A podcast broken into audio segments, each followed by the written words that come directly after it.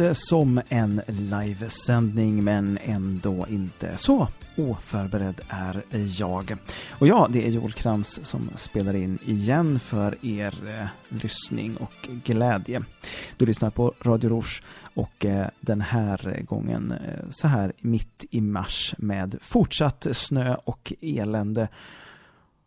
Och med en, eh, en stilla suck för den vår som aldrig tycks närma sig så tänkte jag göra livet ännu lite mindre käckt och glatt. Varför då? Jo, därför att vi ska prata lite politik idag. Eh, vi ska inte prata politik så som politik. Vi ska prata om ett ämne som nästan alla verkar vara överens om. Och sen så ska vi tweaka det lite och hoppas att alla inte är lika överens om det sen efteråt. Det blir väldigt kul. Ämnet är idag mer specifikt som är tämligen oförberett men jag kommer att tänka på det på vägen hem idag och kände att det här är faktiskt inte oväsentligt. Och eh, ämne som eh, jag ska försöka gå igenom lite grann i alla fall medan Olivia ligger och sover i rummet intill mig och vi får se om hon vaknar eller ej.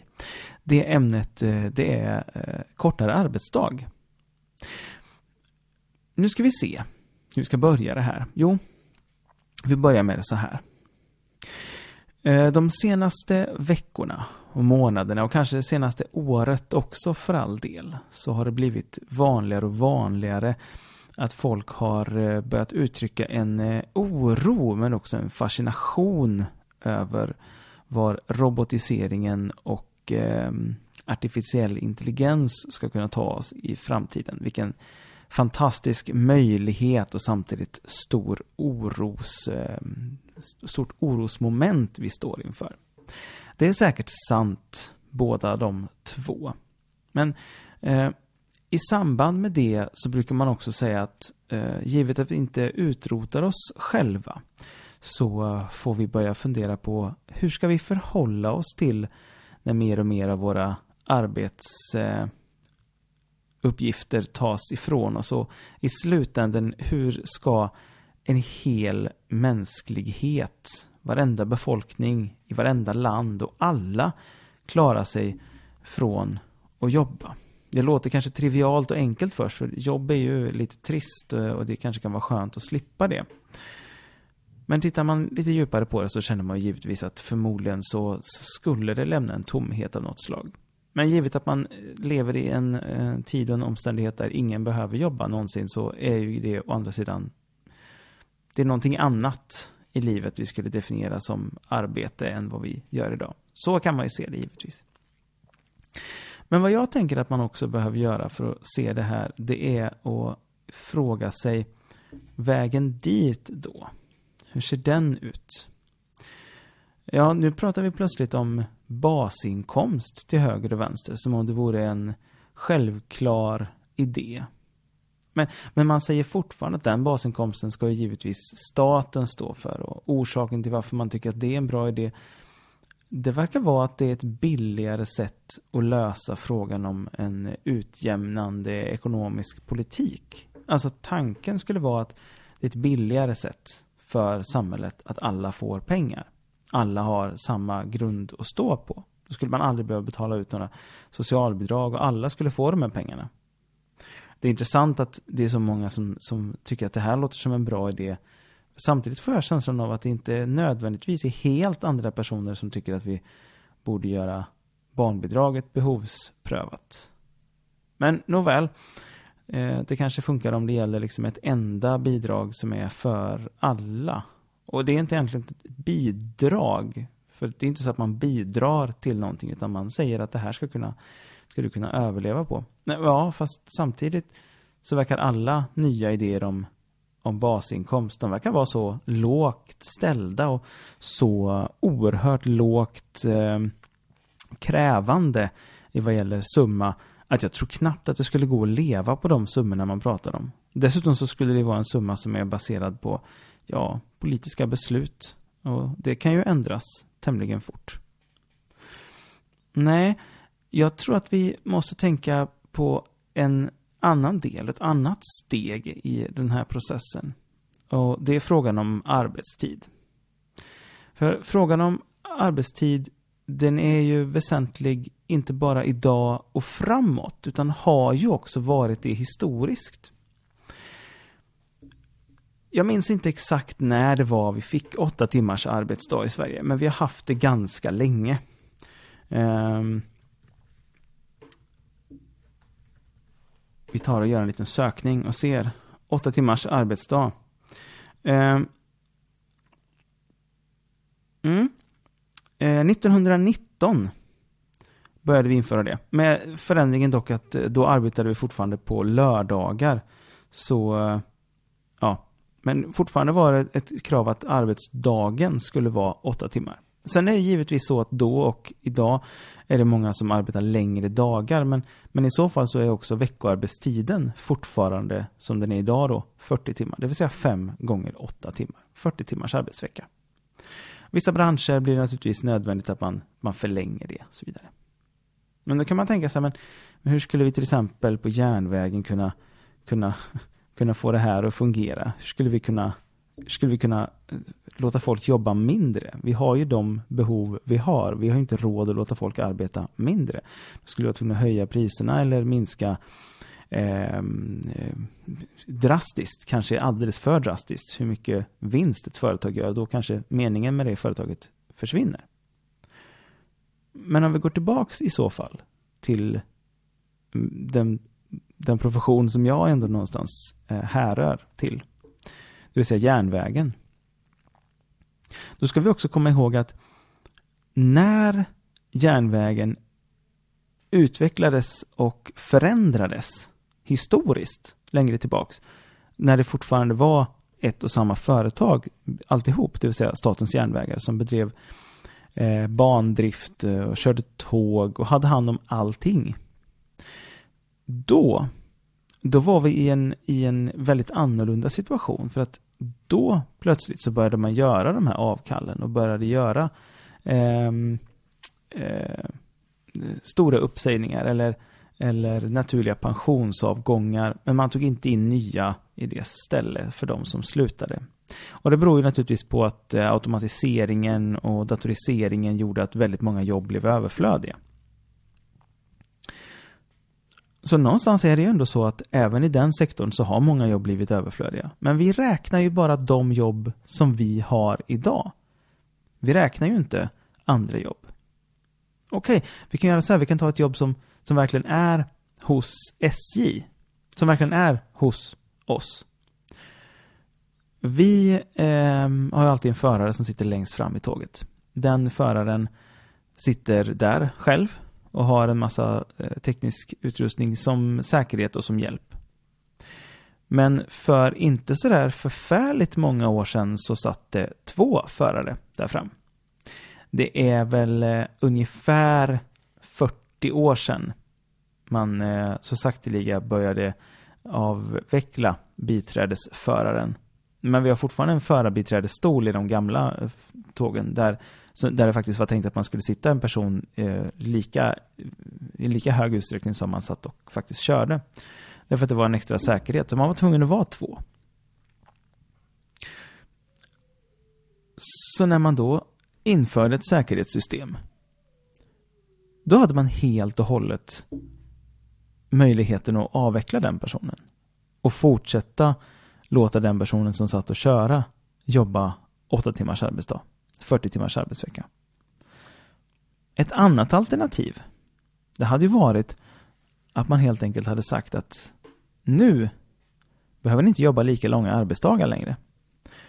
För vad händer om någonting är så effektivt att det kostnadsmässigt nu bara kostar som 1,2 arbetstjänster. För vi får utgå från att tekniken kostar lite. 20% av en, av en heltidslön låter väldigt mycket, men låt oss, låt oss räkna på det.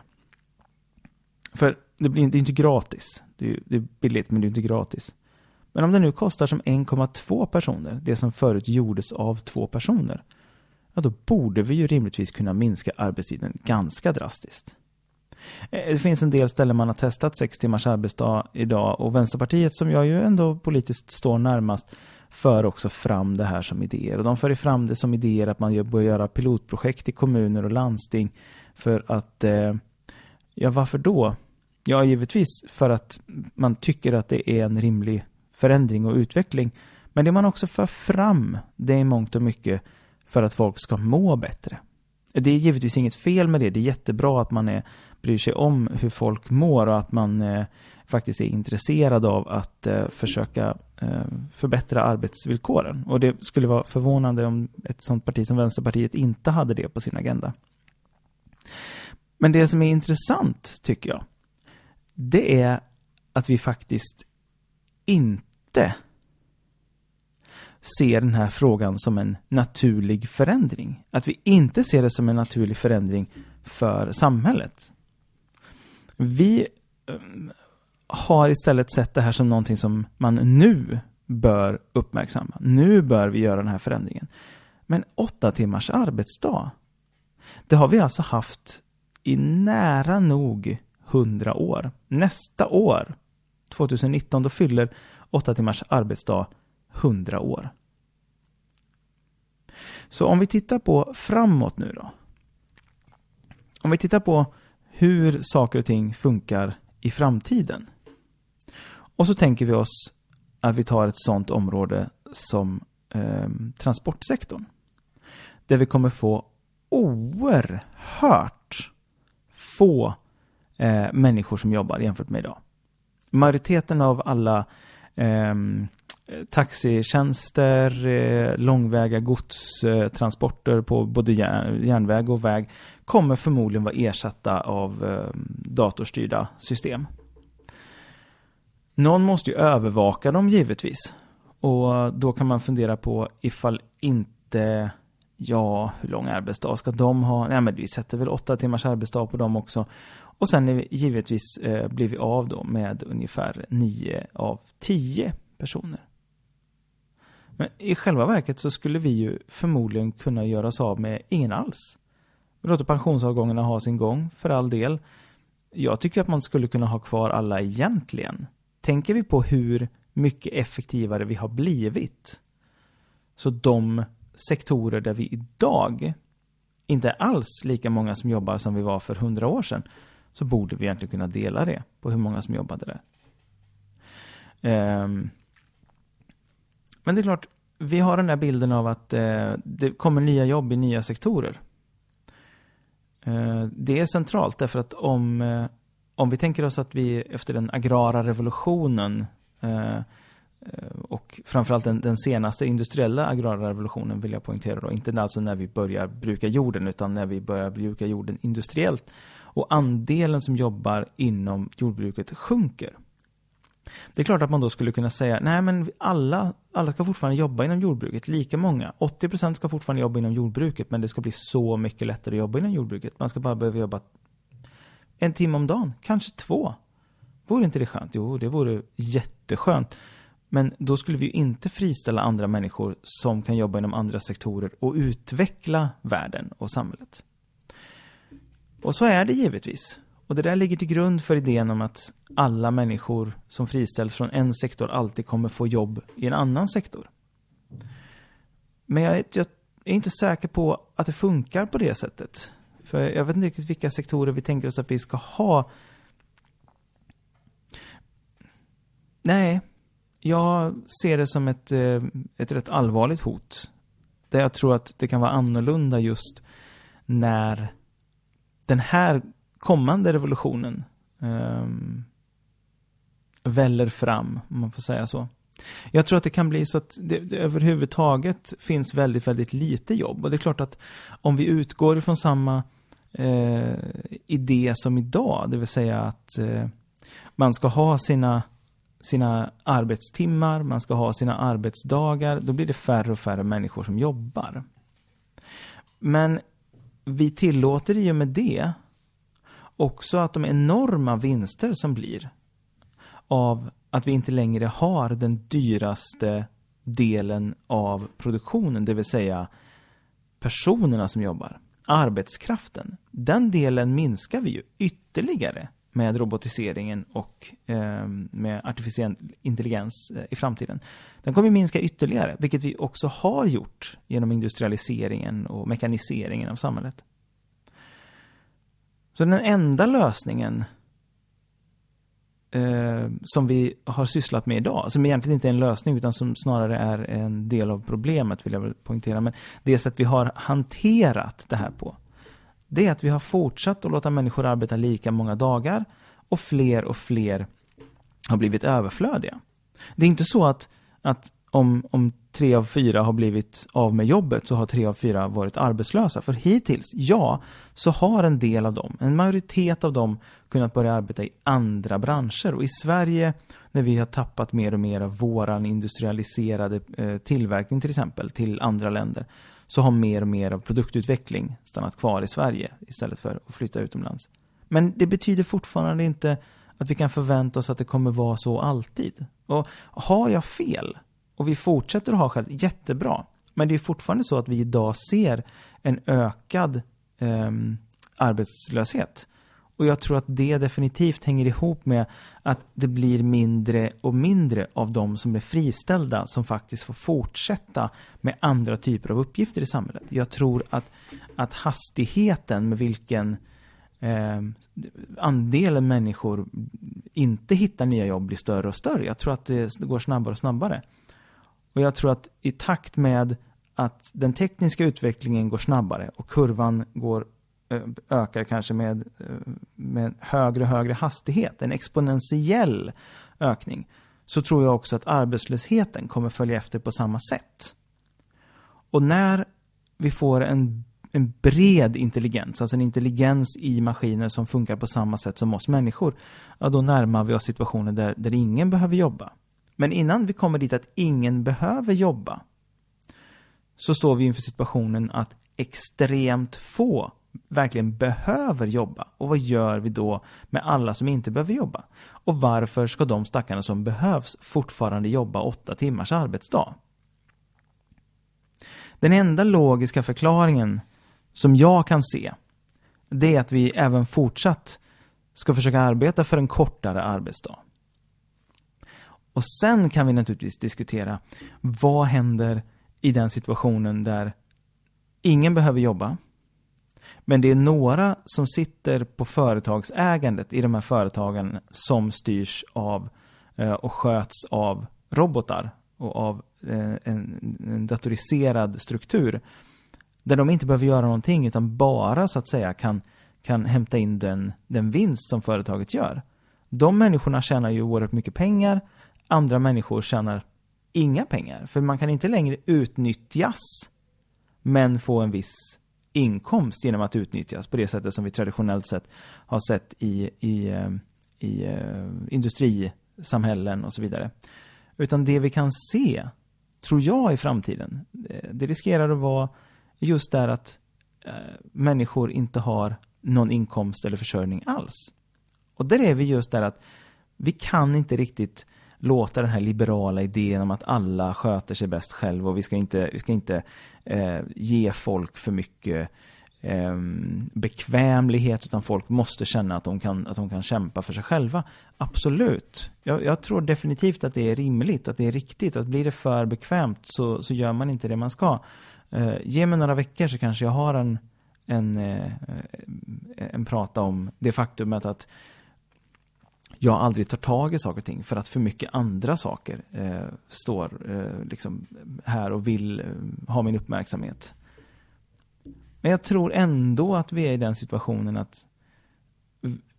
vill vi jobba men det inte finns jobb då blir vi oerhört frustrerade och jag tror att då riskerar vi en, en väldigt allvarlig och farlig utveckling. Vad tror ni? Det här är ju min teori och min tankegång. Och nu har jag utvecklat den i 20 minuter.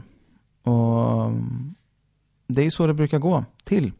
Man pratar om någonting i en stund och sen så får man se om det finns andra som håller med en. Eventuellt göra det, eventuellt så tycker ni att det här var helt vansinnigt och då får ni säga till det. Eh, jag ger mig för nu i alla fall, ska jag säga.